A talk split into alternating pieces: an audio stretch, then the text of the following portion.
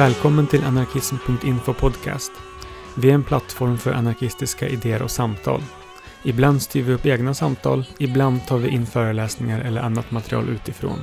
Och vi publicerar material på oregelbunden basis. Om du vill bidra eller ge oss respons så hör gärna av dig till kontakt anarkism.info eller skriv till oss på Facebook. Nu börjar podden.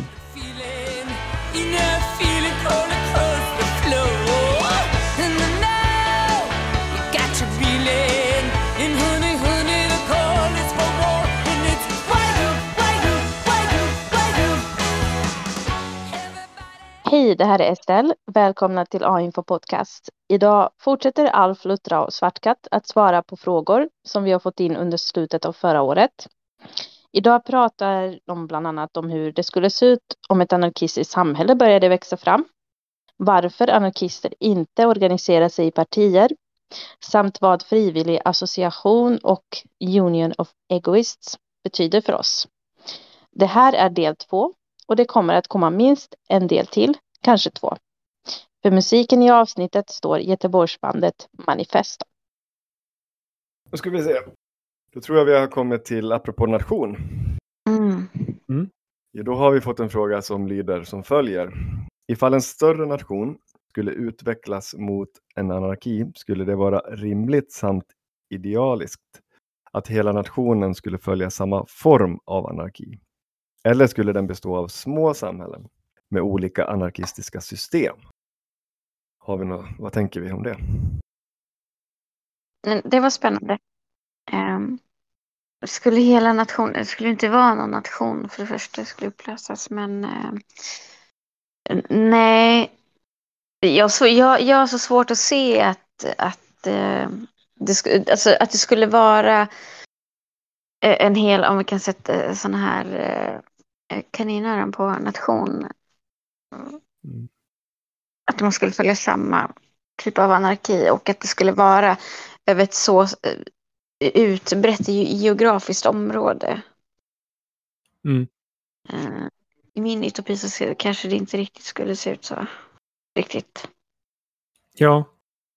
Jo, precis. För det är så svårt. Um, så här, hur ser det ut när en större nation utvecklas mot en anarki? Det är så här, det känns lite grann, man kan tolka frågan om lite illvilligt kanske, men ändå det kanske blir ändå lite um, måla upp för att måla upp ett exempel.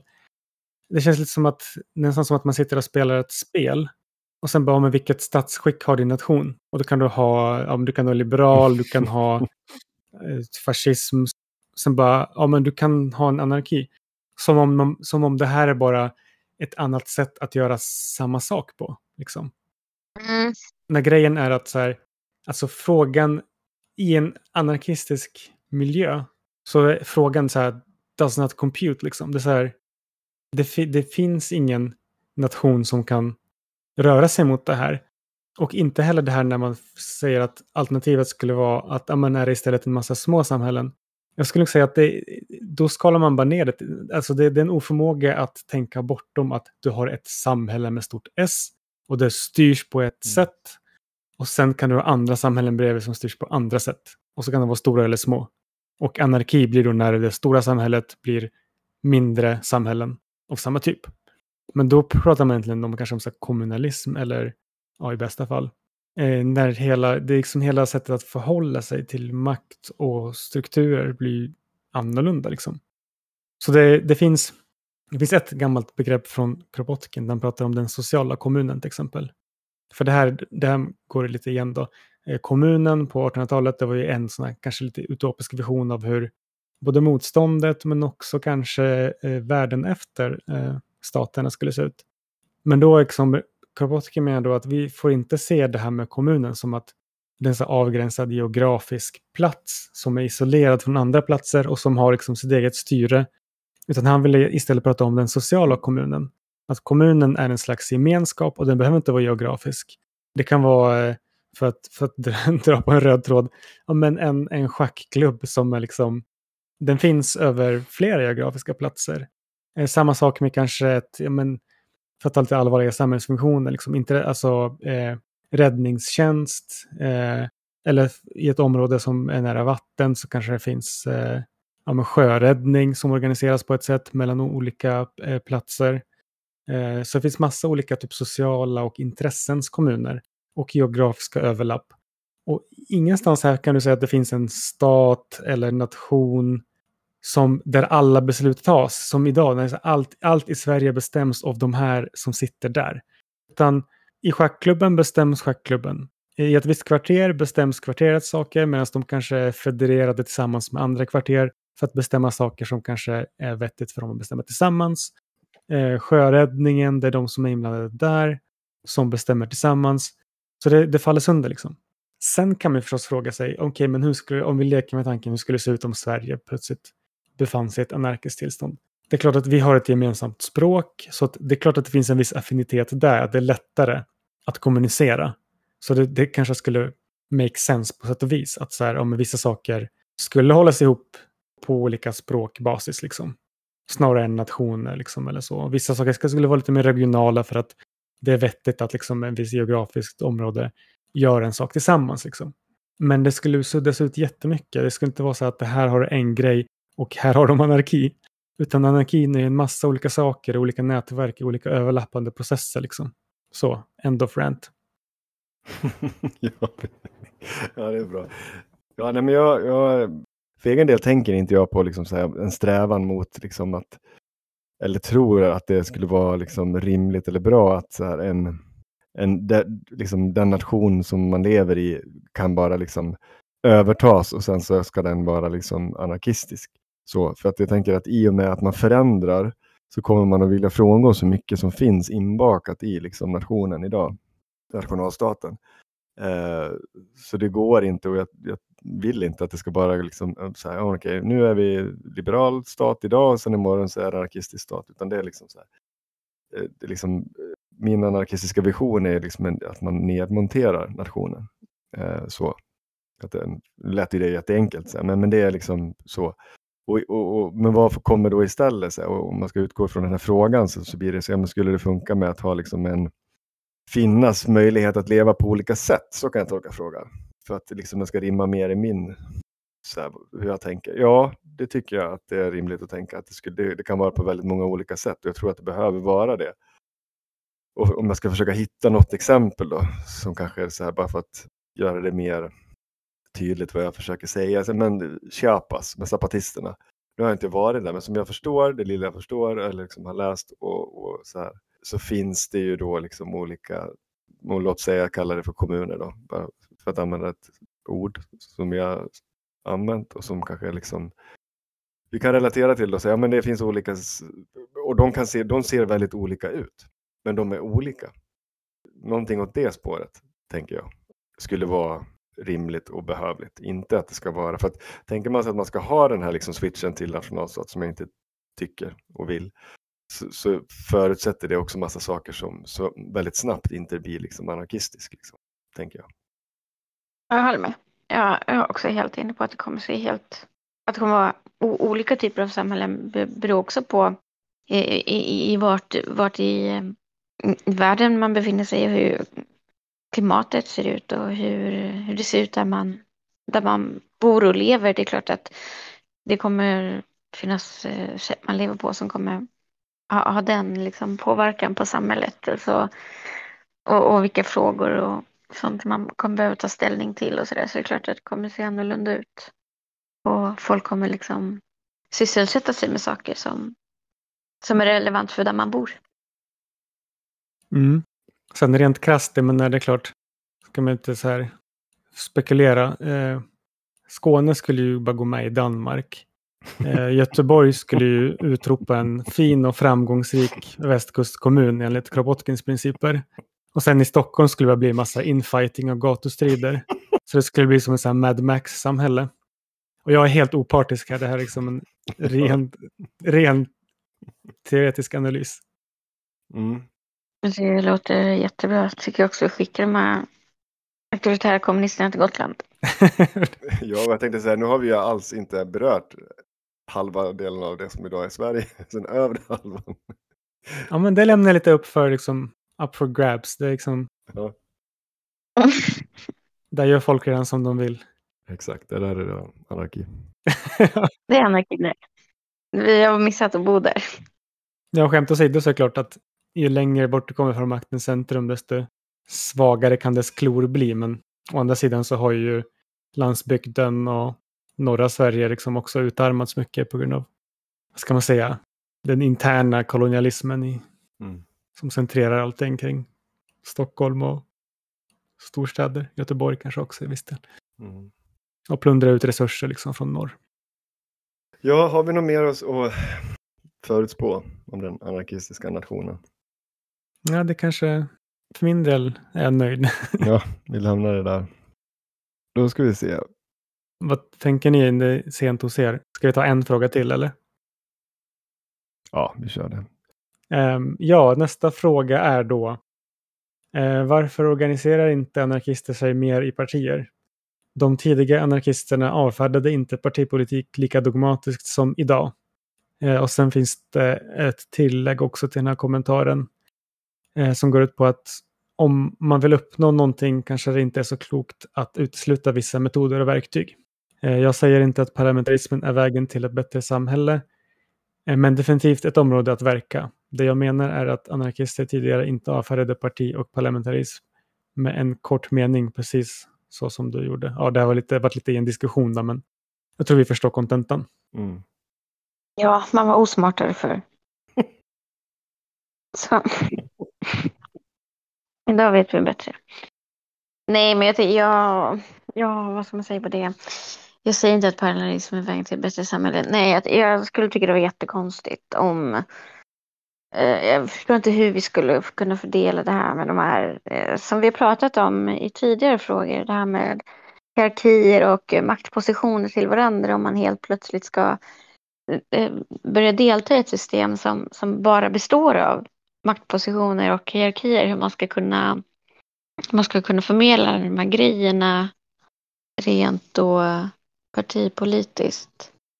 Jag, jag förstår frågan och vad man vill komma men, men jag, jag ser inte det som ett sätt som jag skulle vilja organisera mig på. Mm. Ja, nej, men jag tänker, det första jag tänker på är, ja, men varför organiserar anarkister sig inte mer i partier? Om vi utgår ifrån att det är så, eh, så tänker jag så här, ja, nej, men för att det behövs inte. om, man, om man vill inte. Eh, eller, eller jag vill inte. Och jag tänker så här, nej, varför är det så? Jo, jag tänker att det finns en risk när man ger sig in i det här att, att man fastnar liksom i systemet. Liksom. Att, man, att man präglar, att man till slut inte ser, man blir färgblind liksom, och inte ser. Att, att liksom omgivningarna sätter kontexten och att man liksom börjar fatta beslut utifrån de premisser som finns och så där. Eh, ja men det klassiska så här, att eh, man, så här, man, man kommer att präglas av parlamentarismen till slut. Eh, men med, det säger jag inte att eller jag menar inte att det inte går att så här, förändra vissa saker, att det, man kanske är fine, kör på det liksom. Om, det, om man vill det och att det är viktigt. Så här. För att jag tänker att det är ju skillnaden då tänker jag på att agera liksom mot systemet eller att liksom ta, använda systemet eller agera inom systemet. Om det går. Jag, jag tror att det går i viss mån eh, ibland göra de distinktionerna. Så här. Att förändra någonting Eh, som, som då till exempel, jag ska ta ett exempel, ja, men om man vill förändra någonting för en grupp människor i samhället som är som väldigt konkret skulle förbättra deras livssituation. Eh, det kan handla om pengar eller liksom eh, sjukvård eller vad det nu kan vara, att man skulle få liksom ett bättre boende eller någonting, att man skulle på något sätt genom lagar, tänker jag, för det är väl det det handlar om mycket, se till att de här, eller liksom rättigheter, eller så här, se till att de här människorna skulle få det bättre där och då. Eh, jag vill inte förringa den kampen och säga att det skulle vara liksom eh, kast. Liksom. Det, det är väl jätteviktigt och bra i många gånger. Men att för den sakens skull säga att man ska ge sig in i politiska partier och liksom verka och, eller, eller till och med så här, organisera sig som, som ett politiskt parti, det är någonting annat. Och det tycker jag inte behövs och jag tror inte det är bra. Så, liksom. så är det skillnad på taktik och det är skillnad på mål. Liksom. Mm. Ja, verkligen. Ja, men det är klokt som ni säger. Eh, jag skulle väl också vilja tillägga att ehm, det här med påståendet att de, om de tidiga anarkisterna och deras odogmatiska inställning. Jag skulle vilja liksom ifrågasätta det lite på ett par grunder. För det första, eh, de tidiga anarkisterna, okej, okay, vi pratar om, säg Prodon, Bakunin till exempel. De, det är korrekt att de inte i inte lång tid avfärdade parlamentarisk politik. För att de var inte anarkister under större delen av sina liv. Det här var ju en tid i mitten av 1800-talet där olika former av antikapitalistiska rörelser höll på att stångas mot både i teori och praktik, liksom mot, mot sin omvärld och mot andra teorier och så, och praktiker. Eh, Prodon satt ju till och med i franska parlamentet. Men det var ju där som han till slut kom till den insikten att den, det här är inte vägen framåt. Eh, på liknande sätt var ju Bakunin inte anarkist förrän typ 1868 eller 69 eller något sånt där. Verkligen liksom ganska några få sista år. Där var han ganska konsekvent och väldigt eh, tydlig med sitt motstånd mot eh, parlamentarismen. Som var ett motstånd som byggde på praktiska erfarenheter och analyser. Inte på något liksom dogmatiskt av, avfärdande. Så, så, så med det historiska tycker jag. Att det, liksom, det är för, för det mesta, det stämmer egentligen inte. Om man, om man ser det till så här, vad sa de som, vad var deras anarkistiska gärning och eh, innebörden av det de, de sa i de, sina anarkistiska texter och handlingar. Och det här är ju ingenting som också som jag tycker det finns bra texter. Vi kan länka några till. Det finns några korta, ganska bra skrivna eh, som handlar till exempel om det här i en mer modern tappning. Och som handlar om det som vi också pratat mycket om och som ni redan har nämnt i olika utsträckning. Att det handlar om medel och mål också. Att dels så präglas man av, av det system man, man försöker medverka i. Anarkister menar att det är parlamenten som präglar de som försöker förändra dem. Snarare än tvärtom. Och att, att vara förebildande handlar mer om då att försöka förebilda den här mer anarkistiska visionen genom att inte vara där utan att genom direktation försöka förändra direkt i vardagen. Men också genom direktation kan man ibland påverka politikerna och anarkisterna menar att det här är mer effektivt än att försöka delta i parlamentarismen. Så mycket resurser går åt för, till de parlamentariska partierna.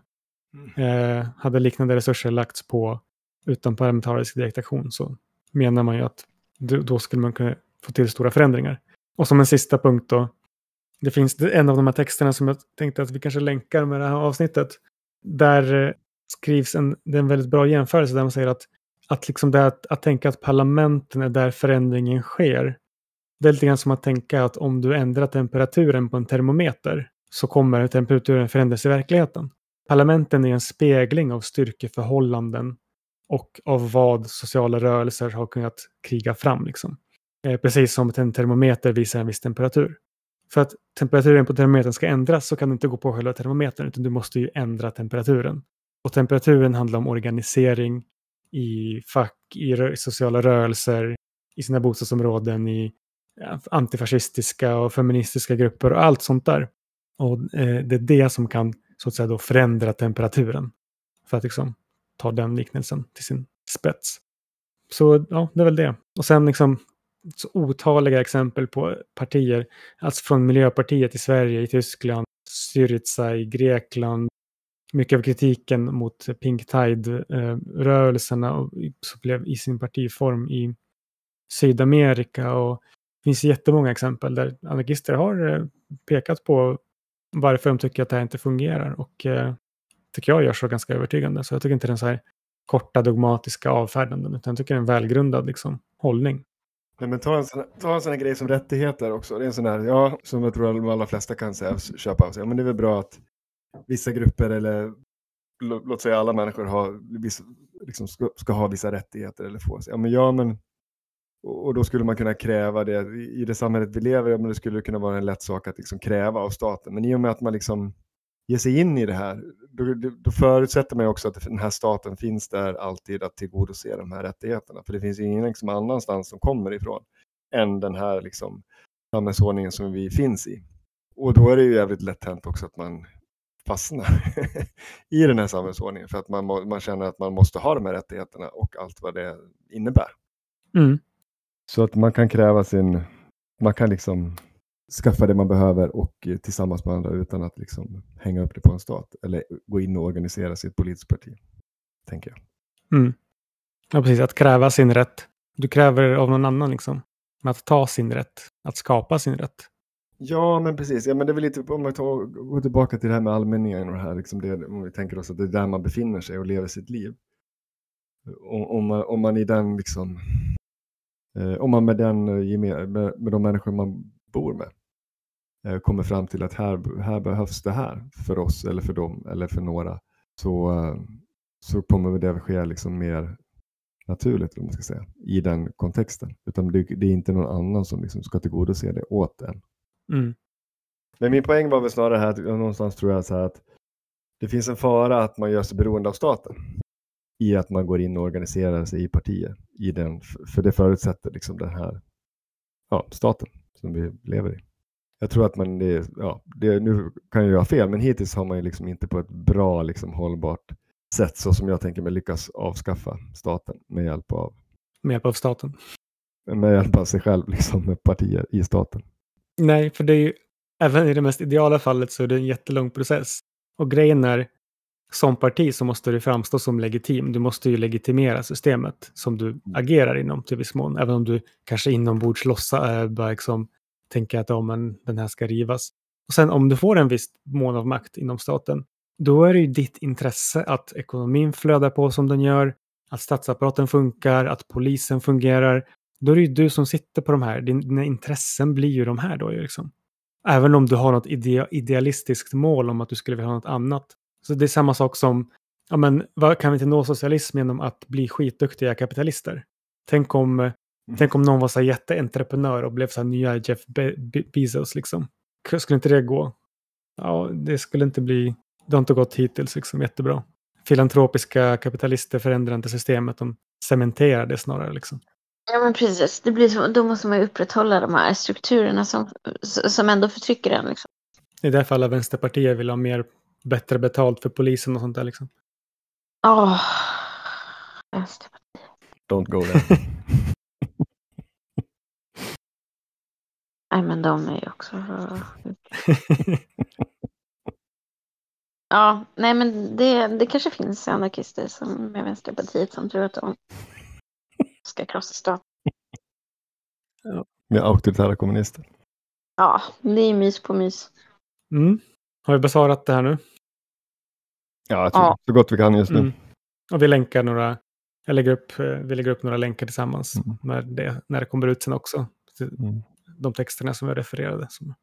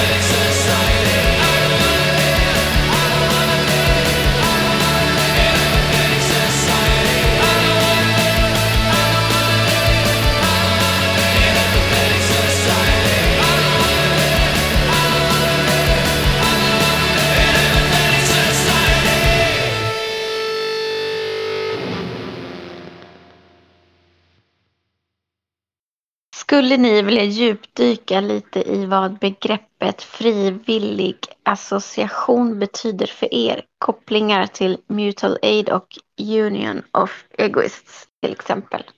Mm. Om man vill djupdyka. Djup, dyk djupt nu, Alf. Ja, verkligen kvart Ja, i tolv. Det känns. Nej, du får inte säga hur sent det är. Vi klipper bort det. Eller vi gör så här beep. Ja, vi klipper bort det.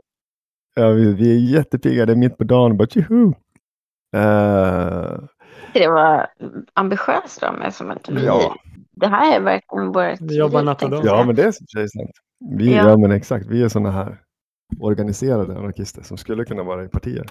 Fast vi...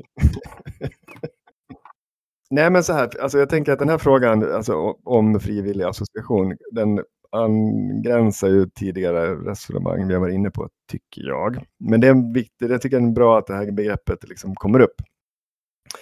Eh, och jag vet inte om jag kan påstå att det här blir någon djupdykning, men det blir i alla fall mina reflektioner kring så här att jag tänker att, att vad betyder det? Jo, men det betyder ju någonstans att i ett anarkistiskt sammanhang eh, så betyder det här för mig att, att jag, eller i det sammanhanget så, så finns det en frivillighet att gå in i saker och inte vara med i saker, att göra vissa saker. Liksom.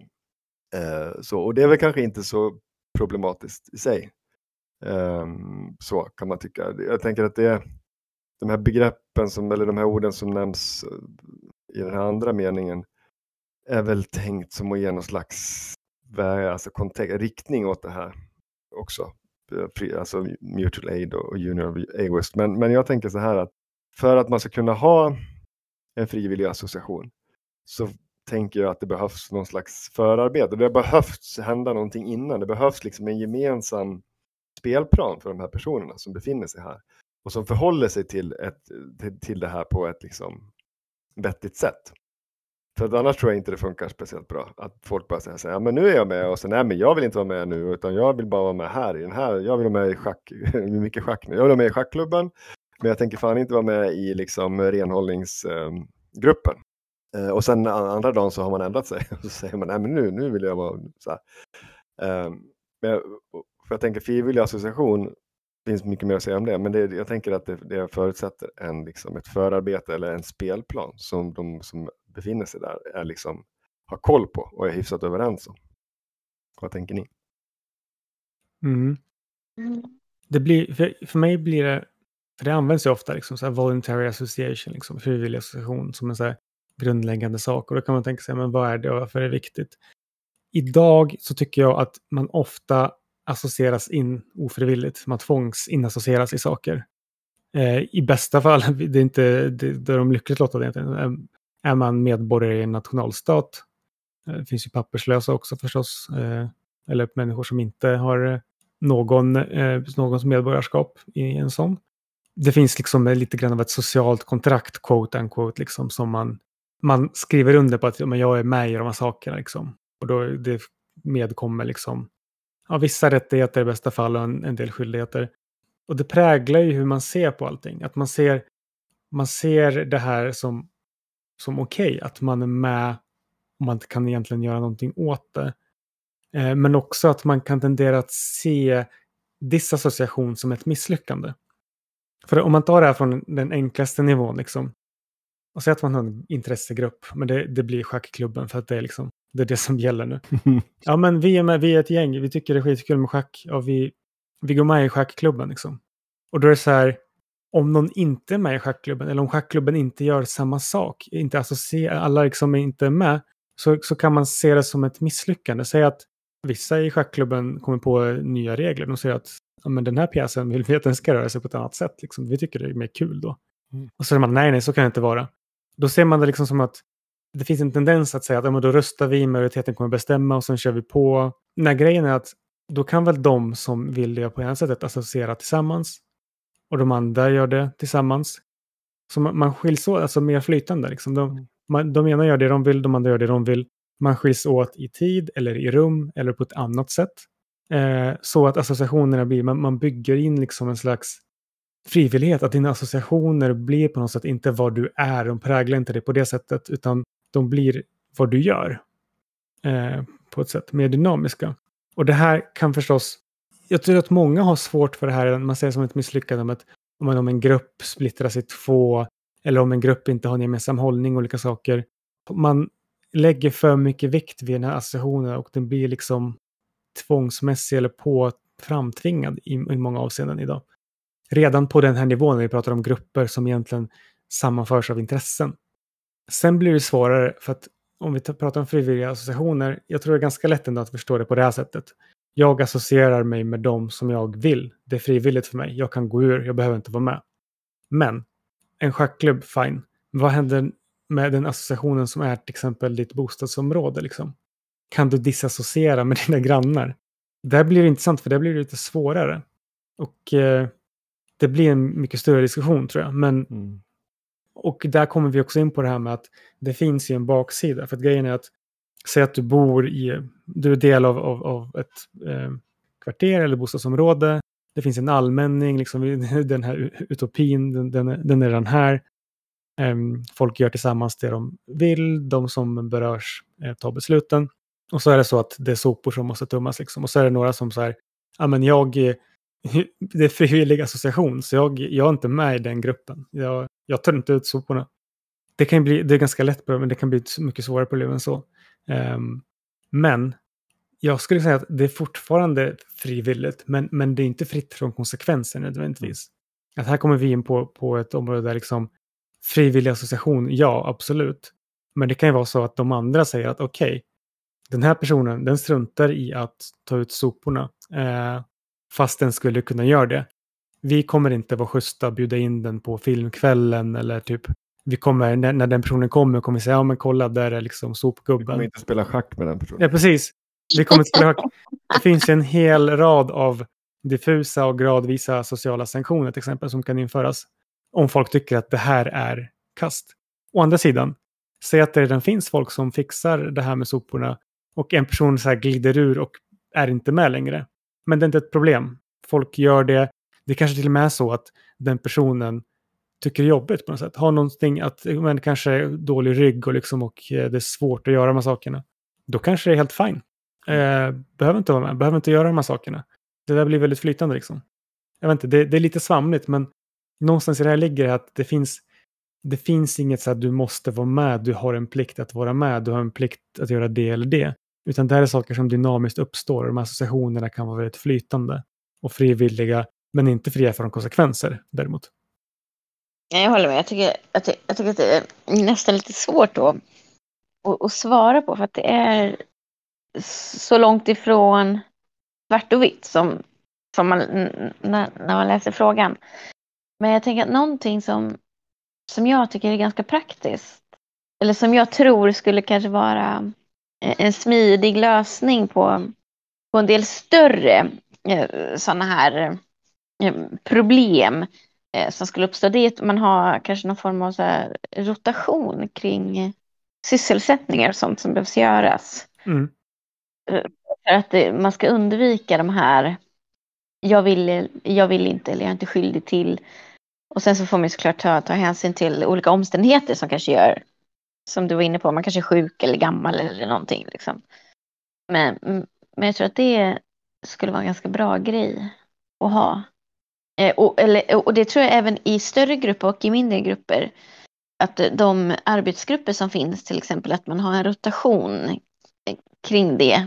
Efter ett antal veckor så byter man arbetsgrupp eller liksom. Det kanske låter superfyrkantigt men är ni med på vad jag babblar om? Mm, oh ja. Absolut. Det tror jag. Jag tänker att det är och också för att utbyta den här expertisen mellan arbetsgrupperna. Mm. Tror jag är ganska nyttig. Och det vet man ju att det är grupper inte bra på alla gånger. det kan bli svårt, det är en utmaning, men det är någonting att kontinuerligt jobba med. Jag håller helt med att det, mm. det kan låta litet så här rotation, men, ja, men det är jättebra och det är viktigt för grupper tror jag. Och det, skulle, det är ju en förebildande grej som är också viktig i många saker som man sen kanske gör om man verkligen börjar upprätthålla ett så självstyrande, liksom. Om en allmänning eller vad man nu har för någonting. Nej, och jag tänker så här att jag tror att när det lyfts liksom tveksamt, så här, tveksamheter kring så här frivilliga associationer, Eh, då är det många gånger liksom uttalat eller underförstått, enligt min erfarenhet, att det finns något så här, men vad ska man göra med alla snyltare? Liksom? Det kommer finnas de som kommer försöka sko sig. Det kommer mm. de som vill försöka spela schack fast de egentligen inte får spela schack. Vad fan gör vi med dem? Så uh, och det säger väl kanske någonting om tiden vi lever i. Eh, att, så här, att, att liksom, det finns de här bidragsfuskarna som vi måste liksom sätta åt. Eller det måste finnas någon, det måste finnas någon repression. Det måste hända någonting. Så det måste vara rättvist. Och, och det är det som jag tänker att jag vill komma ifrån. Liksom. Det sättet att leva och det sättet att tänka och bli präglad av det. Med det sagt så tror jag väl säkert, eller så tänker jag att det kommer säkert finnas personer som såklart bara vill liksom göra roliga saker och inga tråkiga saker. Och, och då som vi redan varit inne på, det tror jag kommer lösas på olika sätt där och då. Det kommer inte vara på samma sätt som vi gör idag, men det kommer finnas vissa konsekvenser om man beter sig liksom oschysst eller taskigt. Liksom, eller så här om man uppfattas som liksom en snyltare eller vad man ska säga. Så, så det tänker jag att det är liksom inte ett hållbart argument emot liksom frivillig association. Så man säger att det här kommer inte att funka, det kommer att bli kaos. Eh, så tänker jag kring det. Och sen tänkte jag på det här som vi, vi jag var inne på Chiapas, just det, zapatisterna. För det slog mig också, för där om jag minns rätt så förutsättningarna för liksom att man organiserar sig, liksom, så här, man var ju emot liksom, zapatisterna är och var ju väldigt emot liksom, så här, nyliberalismen. Så, här, så. Eh, och då var det ju liksom, man vill ju på ena sidan ha det ganska öppet, liksom, så här, vi ska bestämma så här, vi ska lyssna på oss själva och alla som vill vara med, vad man vill och så, så försöker vi liksom fixa det på, på ett annat sätt. Men man, var, man hade vissa ramar ändå liksom, och, och jag vill minnas att om man till exempel liksom, eh, tog hjälp ifrån liksom, staten eller liksom, nyliberalet eller vad man ska säga så, här, så då kunde man ju inte vara med i den här gemenskapen. Då, fick man, då kunde man inte bo till exempel i en kommun eller i ett samhälle, så, vad det nu kallas, eh, om man till exempel också liksom tog hjälp eller var en del av liksom, den mexikanska staten eller kapitalet i någon mån, något stort liksom, multinationellt företag. Då fick man ju flytta någon annanstans. Mm. Nu handlar inte det per definition kanske om frivillighetsassociation, men det var ju en konsekvens av att man bröt liksom, kontraktet, man ska säga, eller överenskommelsen som man hade. Liksom. Mm. Och, och, det behöver inte vara så konstigt. För det, det, det, blir väl jättetydligt och det blir en tydlig konsekvens. Mm, och det kan ju liksom låta hårt, men jäklar vad sådana saker kan vittra sönder eh, solidaritet och gemenskaper just när det kommer in mm. statliga och liksom andra influenser. Um, och det var något, precis, och för att koppla det här då till ja, med andra meningen här i frågan är så här, kopplingen till mutual aid och union of egoists till exempel. Och mutual aid är ömsesidig in, hjälp, liksom. det, det uttrycket som Kropotkin populariserade som handlar liksom om både benägenheten hos människor och andra djur att, att hjälpa varandra och eh, att det här är liksom ett koncept som, som, är, som är bra och användbart i alla möjliga situationer, både i kristider och i, i, i vanliga fall. Um, Union of Egoist är ett begrepp som kommer från Stirner, eh, som ju var en e-, egoist i strikt, strikt filosofisk bemärkelse.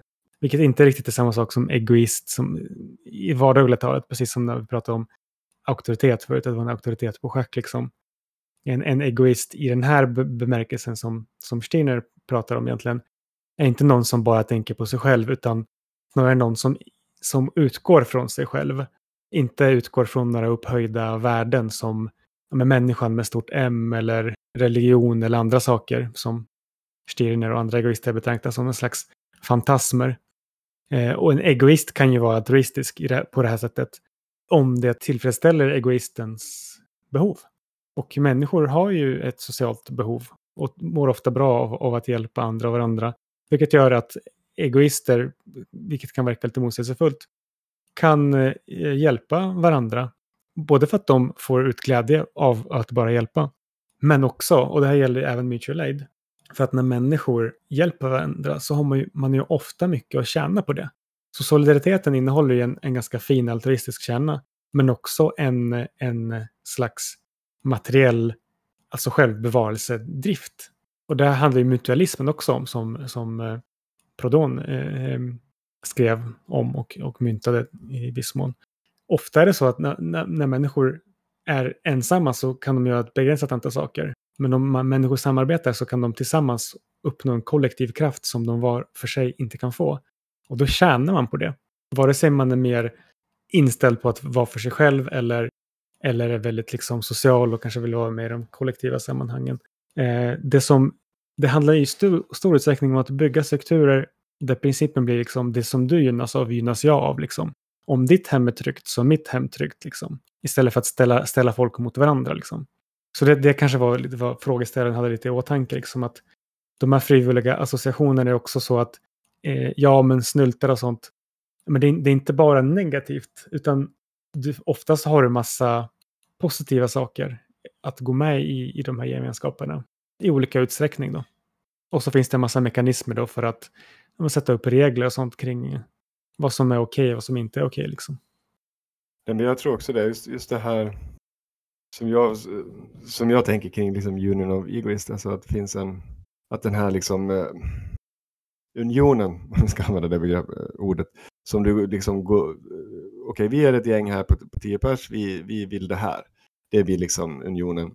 Om någon person i liksom det här sammanhanget efter ett tag liksom inte mår bra av att vara med här, att det blir liksom ett tvång och det blir liksom, nej men det här känns inte, av olika anledningar, skitsamma vilken anledning egentligen, känner att nej men nu, nu vill inte jag det här mer. Då ska ju inte den personen utifrån det, liksom det egoistiska eh, tänket vara med där.